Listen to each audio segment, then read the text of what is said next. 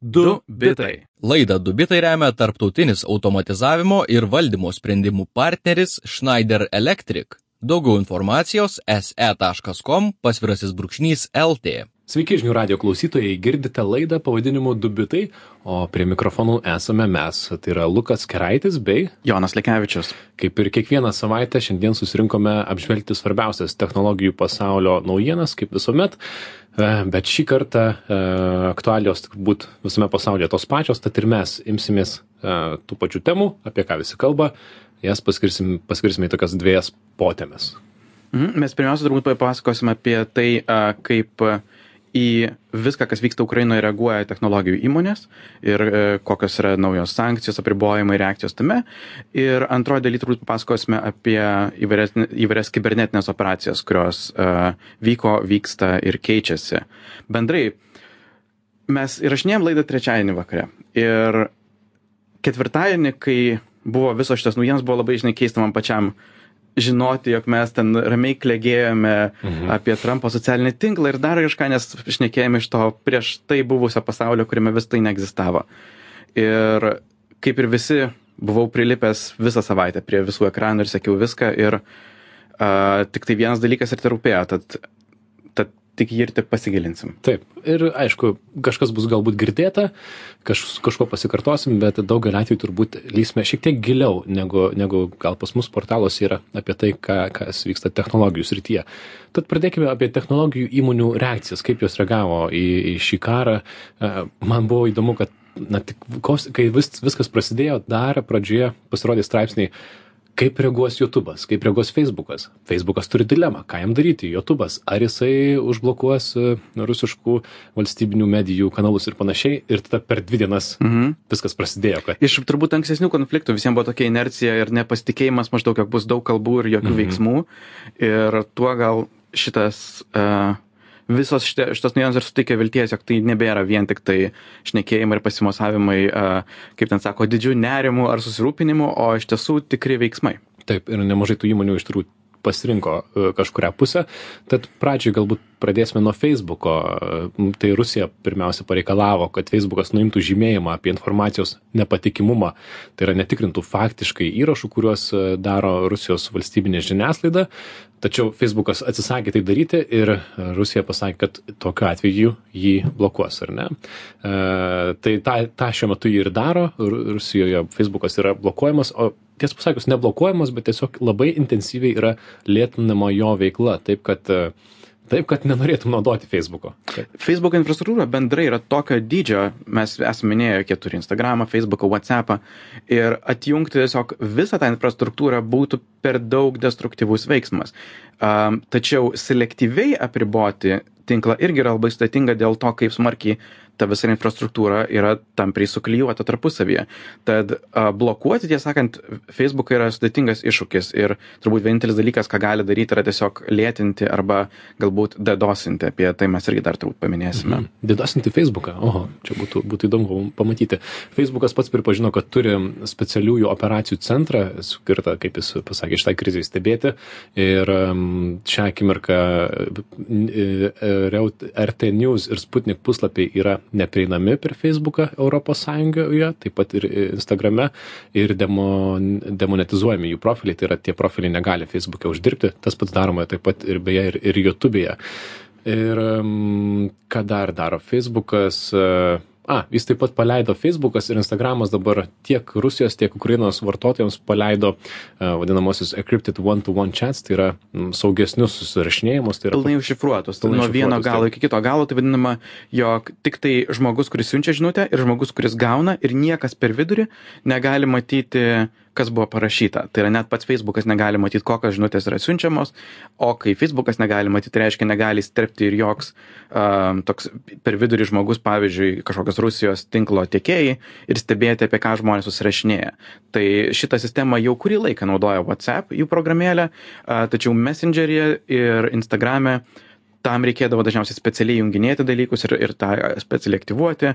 Ir tai jokie paleidžia Rusijoje ir Ukrainoje būtent tokio pilnai šifruoto susirašinėjimo ir tikiuosi galbūt net kaip numatyta į defaultinį be- bendravimą, tai turėtų labai palengvinti žmonėms um, bendravimą organizuojant protestus arba vidinę komunikaciją, nes mano nuomonė bendrai atsakas iš, iš vakarų tech kompanijų yra ir taip pat turėtų būti toksai dviejopas.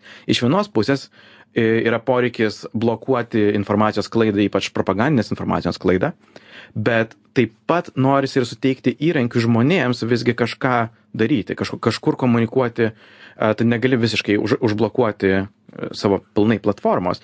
Ir reikia rasti tą balansą tarp, tarp cenzūros, bet taip pat ir e, įrankių skirtų žmonių organizavimuisi. Ir čia, manau, yra labai geras balansas. Kuo daugiau tokios užšifruotos komunikacijos tarp žmonių bus, tuo bus saugiau komunikuoti. Mhm. Nors šią akimirką panašu, kad šita funkcija yra pasirinktina. Tai yra žmogus turi pirmiausia pasirinkti mhm. ją įjungti. Ir taip pat, kaip ir tu paminėjai, Ukrainos valdžia šiaip kreipėsi ne į vieną, net daugiau nei vieną kompaniją prašydami gerokai na stipresnių veiksmų feisbuko instagramo prašė išjungti savo veiklą iš visų rusijoje bet jie jie jie atsisakė tai padaryti e, ypatingai feisbukas čia na greičiausiai e, ukrainos vicepremjeras michailas fedorovas yra akt ak aktualiausias šitoj e, aktyviausias šitoje temoje per tviterį labai dažnai kreipiasi kurį mes dar paminėsim nes yra labai daug iniciatyvų kilusių iš jo mhm. minčių. Ir tiesą sakant bendrai aš pritariu šiuo atveju facebook arba arba twitter sprendimams neišeiti kaip bendravimo platformoms nes geriausias atsakas valstybinei propagandai iš esmės yra socialiniai tinklai, kurie, kuriuose yra pačių žmonių uh, skelbiama informacija, nes jeigu to nėra, tuomet vienintelė alternatyva lieka tik tai valstybiniai pilnai kontroliuojami kanalai.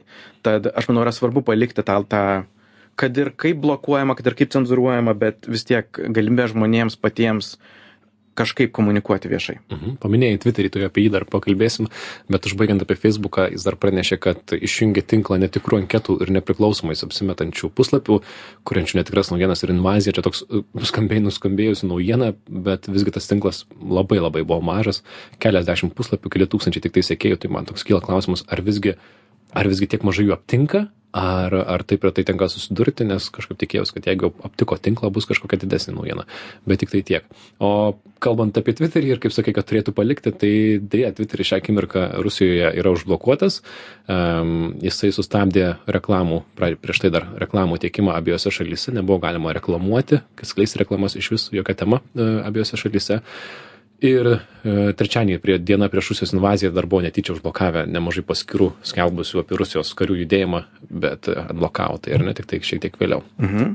naujienos yra iš apple taip pat. Um, iš apple didžiausia naujiena yra jog jie uh, antradienį užblo, sustabdė savo visų produktų pardavimus rusijoje uh, per uh, internetinį apple store nes jie fizinių parduotuvių rusijoje neturėjo Jie taip pat pašalino RT, Russia Today News ir Sputnik programėlės visose šalyse išskyrus Rusijoje. Rusijoje privalo palikti dėl prieš tai Rusijoje priimtų įstatymų. Jie net privalo pasiūlyti žmonėms instaliuotas programėlės, kai telefonai yra aktyvuojami. Ir yra kiti aspektai, kur Apple ir Google, um, jie šiaip lygiai taip pat elgesi ši, ši, strategiškai šitoje vietoje, kur jie uh, nėra jog taip visiškai uh, šimta procentų yra šventuoliai, nes, pavyzdžiui, iš Rusijos žiūrint žemėlapį rodoma, jog Krymas yra Rusijos teritorijos mhm. dalis. Ir vėlgi tai yra būtina sąlyga, jeigu jie nori toliau veikti šalyje. Taip, ir tai buvo ir prieš karą, jie taip elgėsi ir prieš karą. Būtent. Ir tai yra nebijotinai kontroversiška, tačiau vėlgi grįžtant, žinai, prie tos minties, jog tu nori blokuoti maksimaliai e, kažkokios informacijos sklaidą, bet taip pat nori palikti žmonėms priemonės organizuoti pasipriešinimą. Ir jeigu tiesiog Apple arba Google bus išmesti iš šalies dėl to, jog jie nesilaikys prieš tenai esančių taisyklių, tuomet liks alternatyva turbūt tik iš Kinijos siunčiami Huawei telefonai, kuriuos pilnai, pilnai galės stebėti ir kontroliuoti pati Rusijos valdžia, smarkiai pribojant pasipriešinimo galimybės. Tai turbūt reikia nuryti šitą labai karčią piliulę, kur Krymas yra rodomas, jog priklauso Rusijai ir suprasti, jog Apple balansuoja tos ribos, kur nenori išeiti. Mhm. Ir na, jau vien išgirsti pasisakymus ir kad Apple užima poziciją, ties pasakius, tai yra netikėta. Dažniausiai jie labai stengdavosi būti kiek įmanoma neutralūs konfliktuose, kaip ir Google, kaip ir kitos kompanijos, bet šią akimirką, na, jos neišvengiamai pasirinko pusės, nors Apple tai ir, tai ir vadina, Tim Cookas vadovas vadina situaciją krize, bet e, vis tiek e, pripažįsta labai aiškiai Rusijos agresiją. Ir be to savo laiškė darbuotojams jisai sako, kad Apple padvigubina darbuotojų donacijas tam tikromis, tam tikroms Ukrainos nevyriausybinėms organizacijoms, tad jeigu išaukoja 100 eurų, pasiaukoja 200, tad prisideda prie to taip pat. Dar kalbant apie Apple ir Google, kas juos sieja keletas dalykų. Jie yra abu uh, išjungę savo žemėlapį programėlėse uh, gebėjimą matyti srautų informaciją, jog žemėlapį informaciją nebūtų galima naudoti uh, gyventojų srautų sekimui.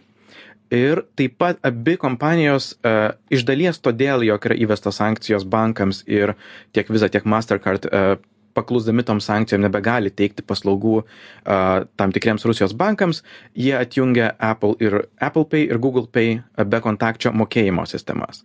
Ir tai yra pakankamai aktualu Rusijoje, nes tai buvo šalis, kurioje be kontakčiai arba bendrai negrinųjų pinigų mokėjimai buvo gana stipriai uh, populiarūs ir labai daug naudojami. Uh, oficialiai nieko dėl to nesuradęs, bet vienas iš tokių paaiškinimų šitos teorijos yra todėl, jog visuomenė bendrai neturėjo didelio pasitikėjimo popieriniais rubliais ir įsivaizdavimas, jog tiesiog skaitmininiai mokėjimai buvo patikimesni ir saugesni, na, jie dabar iš viso nebeveikia. Mhm. Ir dar kelios įmonės, kurios taip pat reagavo, tai Netflixas, jisai nuo kovo pirmosios turėjo šiaip tais prie, prie, su, su, sutikti su e, kom, Rusijos komunikacijos reguliuotojų Roskomnadzor, nadzor, e, neištariau, e, kuris reikalavo, kad daugiau nei 100 tūkstančių naudotojų šalyje turinčios audiovizualinio turinio platformos tiekėjai turėtų ją nemokamai transliuoti 20 valstybės remiamų mm, media kanalų, ir tačiau Netflixas atsisakė tai daryti ir šiuo metu yra taip pat konflikte, galima sakyti, su, su Rusija ir nežinia, kas bus, ar gaus baudų, ar dar kažkas paaiškės toliau.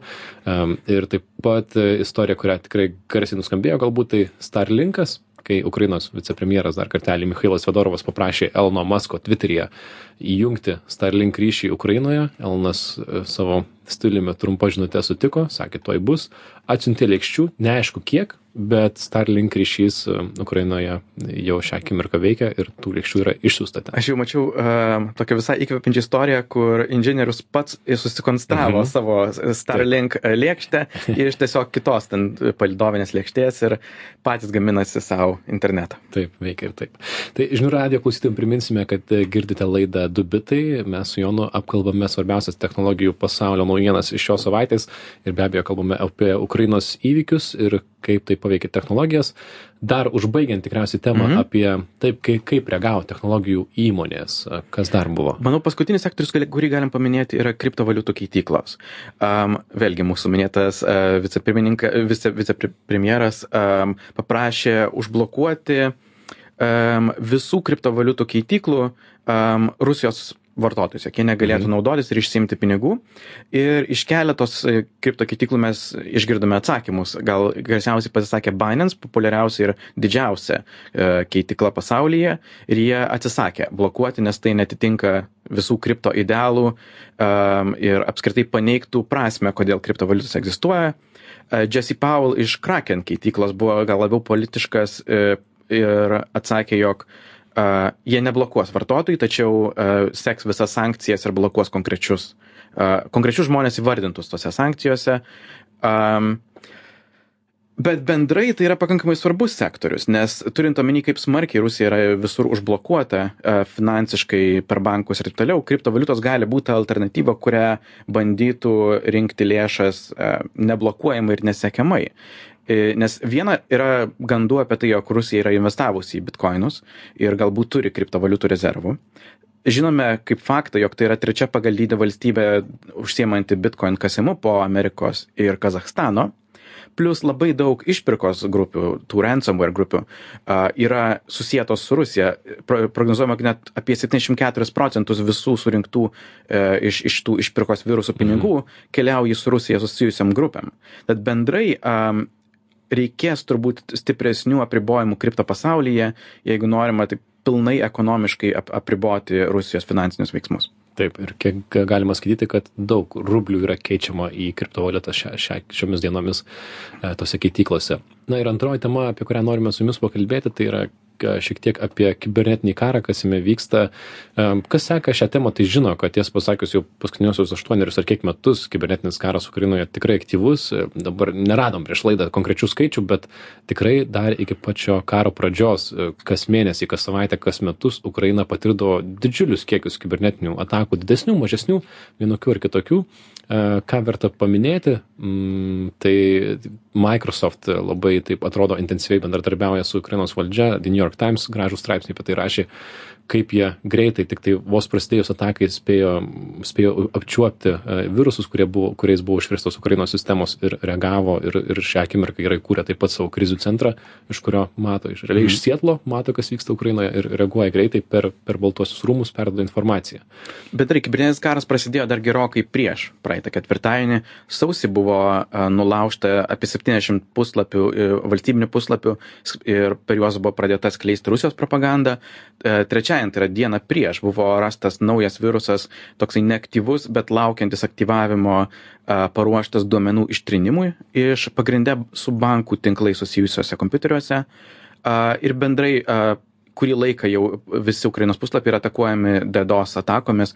DDoS atakos tai yra, kai didelis kompiuterių tinklas daro tūkstančiais arba tūkstančiais užklausų per minutę į, į puslapius, siekiant juos tiesiog e, nugve, e, nežinau, nulenkti e, pe- per dideliu užplūsti užplūsti. dideliu e, kiekiu užklausų tiesiog. Čia taip. kaip paprasčiausias pasakymas yra kai penki šimtai mokinių nueina į kebabinę ir bando vienu metu užsakyt keb kebabą ir ir Taip. tiesiog tai tai ne ne ne neveiks. O jonai ką manai apie raginimus prisidėti prie DDoS atakų panaudojant savo naršykles nes dabar feisbuke galima rasti ar ne tokių? Atsidaryk naršyklės langą ir iš tavęs bus vykdomos DDoS atakos prieš Rusijos įvairias medijas. Jos akivaizdžiai buvo sėkmingos, nes tuo metu, kai tai buvo didžiausias toks populiarumas, tai visi tie puslapiai, e, na, praktiškai nebeveikia. Arba jeigu jie veikdavo, tai jie iš karto pereidavo į tą DDoS saugojimosi režimą ir visiems reikėdavo užpildyti visokias formas tam, jog juos apskritai atsidaryti. Mhm. Tai tikrai nėra taip efektyvu, kaip ten kai, kurie, kai kurie statistikos gali parodyti. Plus Rusija gali visgi apsiriboti, nes jie pilnai kontroliuoja savo visus interneto įėjimus ir išėjimus, tad jie gali, pavyzdžiui, palikti tos puslapius daugmaž tik tai Rusijos vartotojams, mhm. bet bendrai tai tikrai yra pakankamai efektyvus vei- veiksmas ir galima padaryti uh, nemalonumų ar tokių nepatogumų uh, mhm. Rusijai. Taip, Tuo. na, to et, et, etinio vertinimo gal nesiimsim, bet mačiau, kad rašė, tai rašė, kad e, kažkuria diena, kad vienintelė šalis, kur, iš kurios nepatiria didos atakos, yra Arktis šią akimirką, iš kur negauna užklausų. Na va, um, bendrai Ukraina kvietė uh, žmonės prisidėti prie uh, kibernetinės gynybos. Um, Vasario 26 dieną e, Ukrainos e, tavo minėtas vicepremjeras e, pradėjo burti tokią IT armiją ir į tą telegramo kanalą jau yra virš, susirinkę virš 175 tūkstančių sekėjų, kuriems yra dalinamos įvairios užduotis, ką jie gali daryti ir kaip prisidėti. O iš tokių grupių, kurios prisidėjo, turbūt gal labiausiai girdima buvo Anonymous, uh, kuri kuri paskelbė Rusiją savo naujų taikinių ir įvairiai bando vėlgi gadinti jiems gyvenimą. Manau, ką verta suprasti apie Anonimus. Jis daug kur žiniasklaidoje yra vadinama tokia hakerių grupe, bet ji nėra tiesiogiai grupė taip kaip pavyzdžiui, galima būtų paminėti kitas tokias konkrečias grupės. Grupuotės, Kur, grupuotės, jo. Kur, tarkim, Logbit, e, tokia mūsų minėta to ransomware arba išpirkos virusų e, grupė pasakė, jog jie yra nepolitiški ir jų tikslas yra tiesiog, e, kaip jie absurdiškai sako, nesukeliant žalos, tiesiog rinktis pinigus, tai yra išpirka iš tų žmonių. Aš versiu, jie pasakė, mes tiesiog esame magis ir tiek. Taip, taip. Bet, bet jie pasakė, mes esame kabutėse nepolitiški, tai reiškia, mes nepalaikom nei vienos pusės. Um, ir tokiu būdu jie savo viduje nesukėlė didelio pasipriešinimo. Tačiau kita jau konkreti hakerių grupuotė, Konti, jie pasisakė, jog jie visgi yra Putino pusėje ir ilgai netruko, kol vienas iš jų grupės narių pasipriešino prieš juos ir nutekino visą jų vidinę komunikaciją. Ir ten yra pakankamai įdomių dalykų, ką galima išknisti. Uh, bet Anonymous nėra tokia grupė. Ji ne, neturi hierarchinės struktūros ar vadovų ar lyderių. Jų visa komunikacija yra labai necentralizuota tokia. Ir jie veikia labiau gal kaip toks brandas arba vėliava, po kurią bet kas gali stoti ir pradėti kažką daryti. Uh, jie yra kaip uh, tokia palyginimas kaip paukščių toks piečius. Mhm. E, vienintelis dalykas, kas juos sieja, tiesiog jog jie eina į vieną pusę. Ir šiuo atveju uh, ta pusė, į kurią eina, yra kova prieš Rusiją. Jų ankstesni taikiniai buvo irgi tokie tuo metu populiarūs. Tai pavyzdžiui, kova prieš Jeffrey Epstein arba kai įvyko George Floyd nužudimas prieš Minnesotos policijos departamentą. Tad, nes jų tikslas visą laiką yra turėti tokius populiarius žmonės sukviečiančius taikinius. Taip.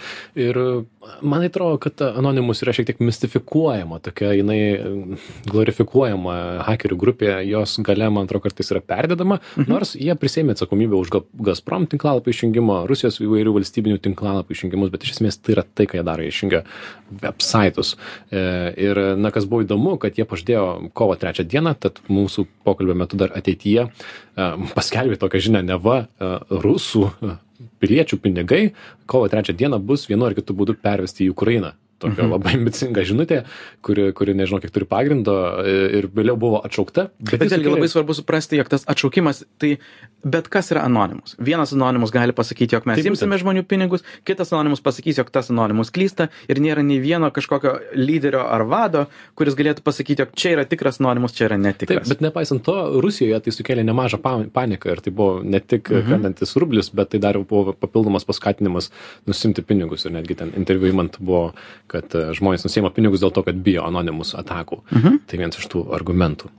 Jo, o aš gal pabaigai noriu labai trumpai paminėti apie tai, jog um, mes čia minime labai daug faktų, bet ir šiom dienom visi esame prilipę prie, prie naujienų ir jie sekame, bet tai yra kaip niekad svarbu žiūrėti, ką skaitai ir tikrinti visus šaltinius, nes jau ir dabar mes žinome, buvo keletas naujienų, kurios uh, buvo gal net patekusios į mūsų akiratį ir po to pasirodė, jog buvo netikros. Labai daug žmonių atšaukė Netflix, uh, savo paskyras manydami, jog jie jaus platino Rusijos propagandą, kai tiesiog Netflix dar nebuvo pakomentavęs, buvo netikros naujienos apie tai, jog Pornhubas buvo užblokuotas Rusijoje ir bendrai. Patikėjau šitą apsigavau -hmm. visiškai. Yra, yra daug, daug netikrų naujienų ir, pavyzdžiui, net puslapiai, kurie dalinosi memais, jie pradeda dabar dalintis karo informacija, kuri labai neretai yra nepatikrinta. Tad um, mes kaip technologijų žurnalistai rekomenduojame tiesiog labai atsargiai šiuo metu tiesiog vertinti visą informaciją, kuri pasiekia ir ir tikrinti. Taip, o mūsų daug, daug šaltinių bus e, dubitai.com. Taip, mes rekomenduojam ir tuo pačiu patys be abejo vargstame, bandydami susigaudyti, kaip ir visi turbūt šiomis dienomis. E, šiai laidai tiek pasistengėme apžvelgti, kas įvyko Ukrainos kontekstuose, kaip visuomet e, laidos įrašą rasite žinių radijos svetainėje žiniųradijas.lt. Čia buvo laida dubitai, dubitai.com, nuėję rasite mūsų gausybę šaltinių, kuriuos panaudojame šiame epizode, jeigu kažkam įdomu pasigilinti daugiau. Ir pažadame sugrįžti kitą savaitę. Tai iki. Slava Ukrainė. Laikykitės. Du bitai. Laidą Du bitai remia tarptautinis automatizavimo ir valdymo sprendimų partneris Schneider Electric. Daugiau informacijos se.com pasvirasis brūkšnys LT.